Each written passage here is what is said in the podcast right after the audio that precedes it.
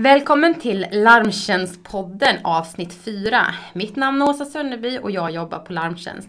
Idag ska vi prata om bilstölder, så häng kvar!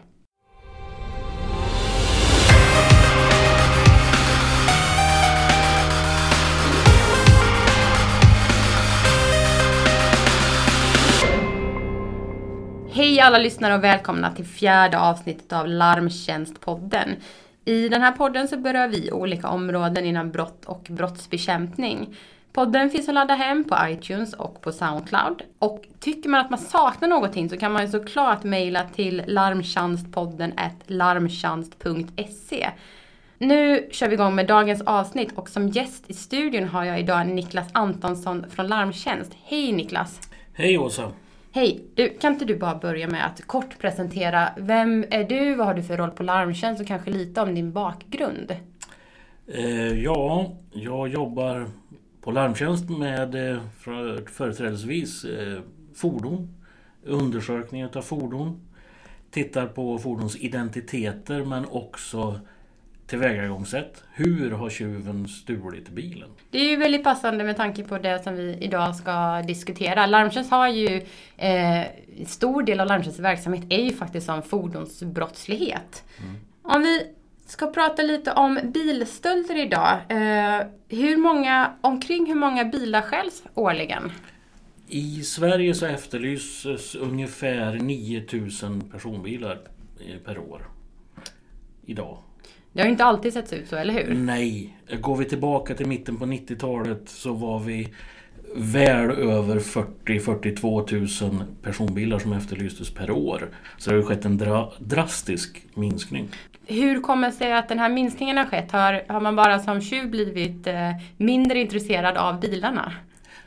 Ja, på sätt och vis. Man har blivit mindre för det har blivit svårare att tillgripa.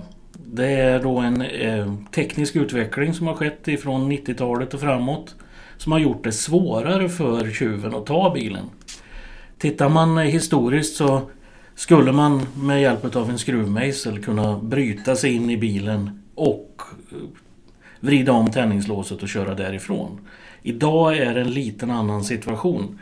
Så i och med införandet av det som man kallar för elektroniska startspärrar som då skedde i slutet på 90-talet så har vi sett en, en drastisk minskning utav stölderna för det har försvårat för tjuven att ta bilen. Ja, om man bara ska försöka illustrera detta i några siffror så pratar vi om två, för 2015 så låg bil, de efterlysta bilarna på omkring 9000 och för 10 år sedan omkring 25 000. Och som sagt, tittar man tillbaka till, jag har en siffra här från 1997, vilket var innan det elektroniska stöldskyddet eh, infördes, då hade vi, var vi uppe i nästan 43 000 bilar. Mm. Så att det är ju en markant minskning. Absolut, absolut. Men om vi ser Bilstölderna som sagt det har minskat, det har blivit lite svårare eller det har blivit svårare att eh, tillgripa eller stjäla de här bilarna. Men samtidigt så ser man ju faktiskt att det är, tittar man på andelen bilar som inte kommer tillbaka så har den nästan ökat, ökat eller hållits i alla fall relativt jämn de senaste åren. Hur är det möjligt?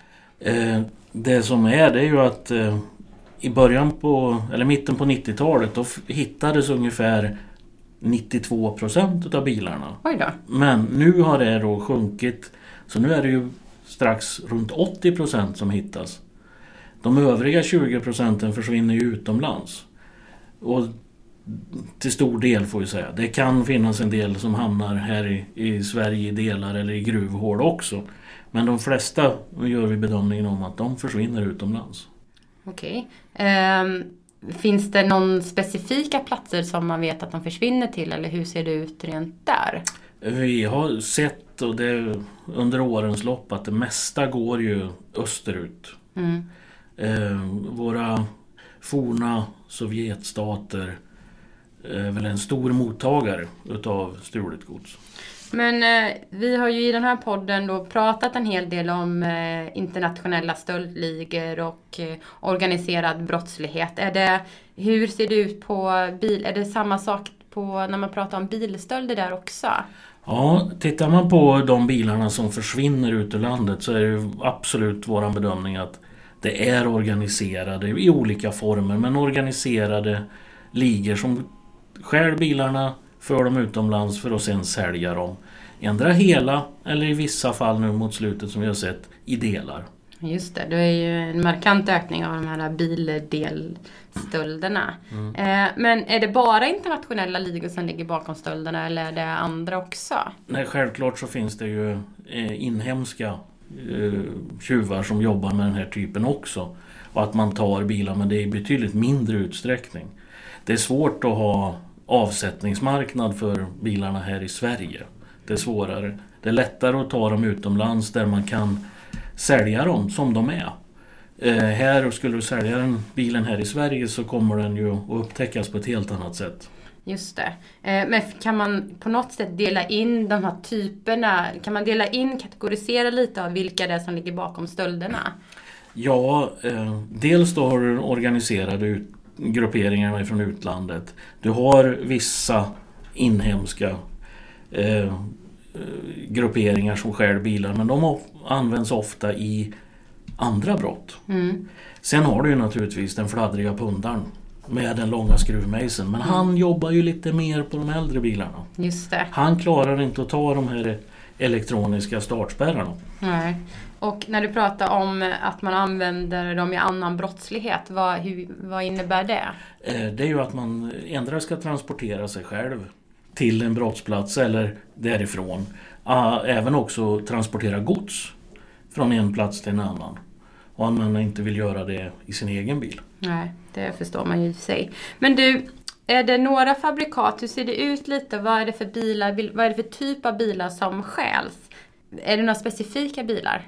Eh, tittar man på de bilarna då som efterlyses i Sverige så vi har ju de inhemska märkena Volvo och Saab ligger högt i listan. Mm. Det är ju naturligtvis för att de finns till stor del i våran vagnspark. De är inte enklare att stjäla? Nej, nej, nej. Utan det är bara att det finns eh, Det finns mer utav dem. Ja. Och Sen har vi ju naturligtvis en del tyska märken. Volkswagen ligger också högt. Eh, eller Volkswagen-gruppens bilar. Mm. Men är det några andra bilar som man kan se som är specifikt eh, utsatta trots att de inte toppar listorna? För att det finns ju kanske vissa fabrikat som, som har kanske en mindre bilpark mm. som kanske är lite mer utsatta. Mm. Det är ju de bilarna som betingar ett högt värde. Mm. Och det finns en efterfrågan utomlands. De eh, märkena det är ju bland annat BMW, vi har sett eh, Land Rover, Range Rover. Mm. Eh, även andra märken som poppar upp att man vill ha ska vi säga, pick-up-bilar, transportbilar. Eh, att de skärs. Men då är det att de har ett högre värde. Mm. I regel. Det, det är intressant det som du tar upp här Niklas med de här specifika bilarna. För att det, det går nästan lite i vågor också. Vi har ju sett det på de här BMW, om vi pratar om X-serien, mm. att de var populära under ett tag att, mm. eh, att ta också eller stjäla. Och sen så har vi sett eh, jag vet inte om det var för två år sedan som vi såg en stor del eh, Range Rover-bilar som försvann. Ja, och det mycket bygger ju på att eh, de här utländska grupperingarna har lärt sig hur man ska stjäla de här bilarna mm. ute på gatan. Och då... Ja, det kommer nya metoder. Biltillverkaren gör ju vissa förändringar. Men eh, tjuven har, ska vi säga, kunskap att stjäla vissa modeller och då tar de dem när det är bra avsättning. Det blir någon form av spel där mellan att eh, tillverkarna gör det svårare och eh, tjuvarna eh, kommer på hur det är och eh, sen så ska man försöka rätta till det hela tiden. Mm, mm. Vi såg ju också, om vi tittar till 2016, eh, i början av våren så var det ju några trender här också. Det var eh, de här pickupbilarna. Mm. hur ser det ut där nu? Det har lugnat ner sig just nu som vi mm. ser det. de tror vi ju man, man stal dem ju för att man ville ha dem, just den typen av fordon. Men det verkar som att det har gått ner lite just nu. Mm. Om det beror på att polisen har gripit eller att efterfrågan har minskat, det är lite svårare för oss att bedöma just nu. Mm. Finns det någon, eh, jag pratade här i förra avsnittet om eh, den här eh, stölderna av bildelar med eh, Torbjörn. Eh, där så kunde man se lite säsongsbetonat eh, beteende också, att stölderna gick ner under sommaren till exempel. Kan man se så? Kan man se något liknande sånt på bilstölder också? Ja, det finns en viss eh, vågrörelse över året. Ja. Eh, och naturligtvis, jag tror att eh, även tjuvarna vill ha semester. Ja, det är ju såklart. Så de vill ligga på solstranden och kanske eh, njuta skördarna över året. Mm.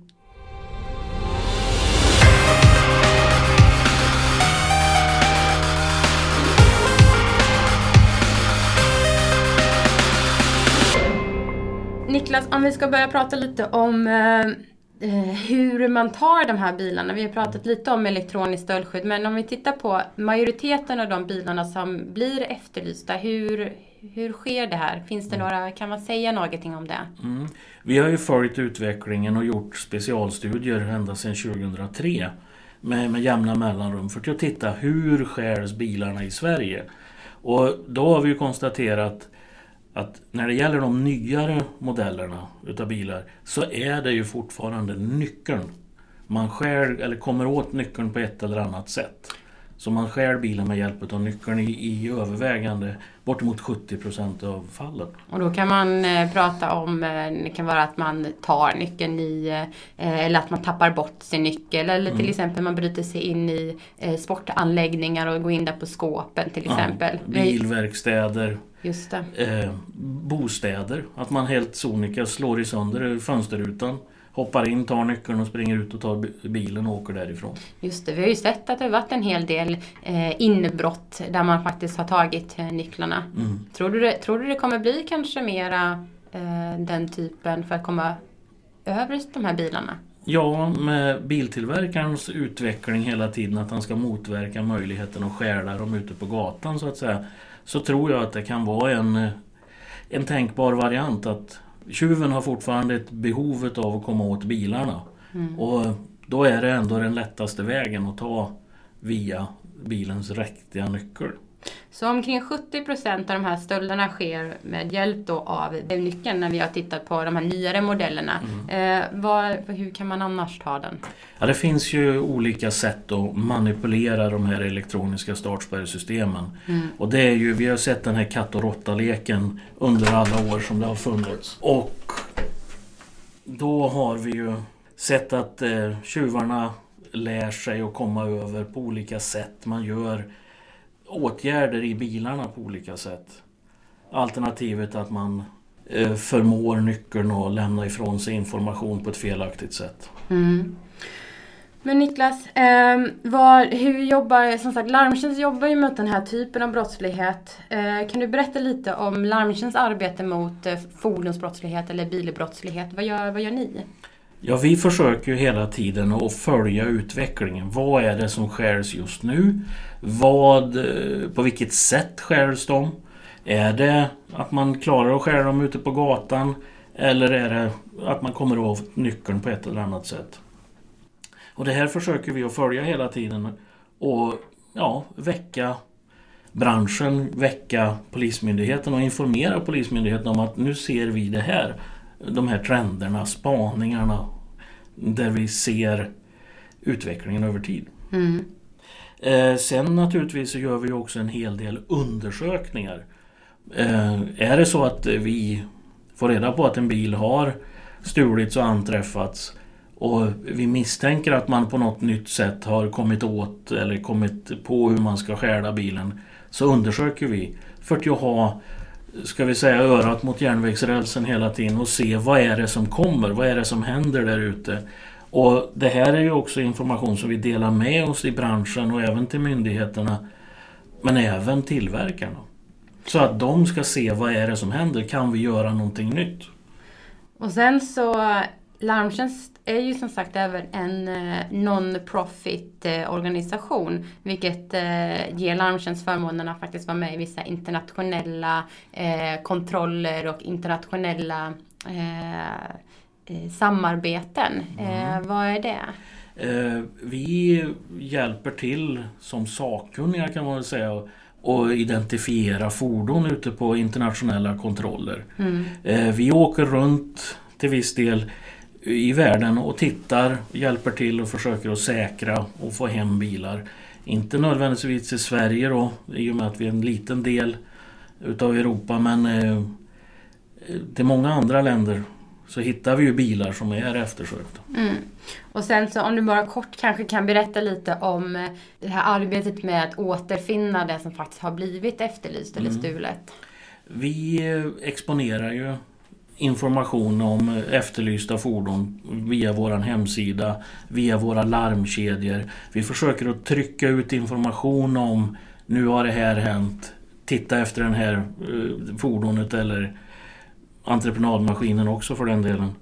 Eh, att vi vill göra våra spanare där ute, allmänheten, uppmärksamma på att just nu är det en våg utav det här eller nu är det här objektet stulet. Mm. Och få hjälp utav dem. Ja, jättebra. Vad, om, man skulle bara, om man skulle avrunda det här avsnittet med att eh, ge no några tips kanske till bilägare hur man kan det kanske är svårt att säga att man kan eh, skydda sig helt mot bilstölder men vad kan man tänka på i alla fall som bil, eh, bilägare för att kunna försvåra den här typen av stölder?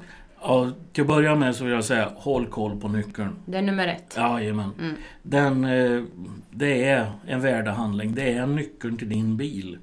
Tjuven vill ha tag på nyckeln. Om du gör allt du kan för att försvåra möjligheten för honom att ta den så är det jättebra. Eh, naturligtvis parkera bilen på ett sådant ställe så att det är svårt för tjuven att komma åt den. I ett garage eller på upplysta platser. Det blir mindre attraktivt för tjuvarna. Se till att du inte har massa godsaker liggande i bilen som är synliga. Töm bilen själv. Eh, I vissa fall också sätt på en rattkrycka. Det förhindrar, eller försvårar för tjuven att ta just din bil. Ett gammalt beprövat eh, sak helt enkelt. Ja, den, den, den fungerar. Och speciellt i fordon som inte har det elektroniska stöldskyddet. Det. Så slipper man att få in den där fladdriga pundan i bilen. Sen eh, naturligtvis eh, spårsändare. Och det är ju, förutom i bilar så är det ju lika viktigt i andra typer av fordon. Mm. Att man försöker att... Om bilen nu blir stulen så är det i vart fall att vi kan hitta den. Mm. Men där ska man ju tänka på vad det är för någon spårsändare man installerar. Tycker jag. Det är ju framförallt eh, Det finns ju olika system. En del är passiva och du får själv fråga vart är bilen när du upptäcker att den är borta. Men du kan också ha system där du har ett eh, geofence, man kallar det, eller en ankarvakt. Att bilen vet att nu ska jag stå still. Rör den på sig så larmar han. Mm. Det vill säga ger ägaren en, en heads-up att nu, nu är den på gång, nu rullar jag. Är det okej? Det känns ju generellt som att då kan man kanske upptäcka den här typen av, den här stölden kanske lite fortare än att man själv gör en kontroll tio timmar senare. Ja, För att ofta, som jag, ofta så kanske bilen har lämnat landet om det är den typen av bil eh, när du har vaknat i princip. ja, ja, då kan den vara i ett par länder bort. Mm. Eh, körning Stockholm, Malmö och bron. Det är ju det är sex timmar. Mm. Och de här killarna följer ju inte lagen i övrigt så hastighetsbegränsningarna lär väl sticka så det kanske går på fyra timmar Ja, ner. just. Eh, Sen naturligtvis så kan man ju ge sig på att märka sin bil. Mm. DNA-märkning, rutmärkning. För att göra det mindre attraktivt Mm. för busarna. Och sist men inte minst vill jag ju poängtera att Tänk på, om du nu ska sälja din bil, tänk på hur du gör, hur du agerar.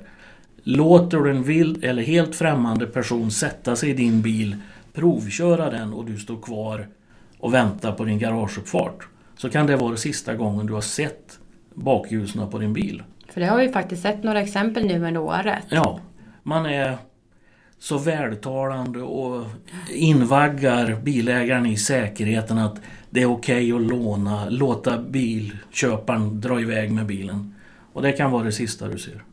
Så tänk på det och även när man gör en affär Se nu till att pengarna verkligen kommer in på ditt konto innan du lämnar ifrån dig bilen.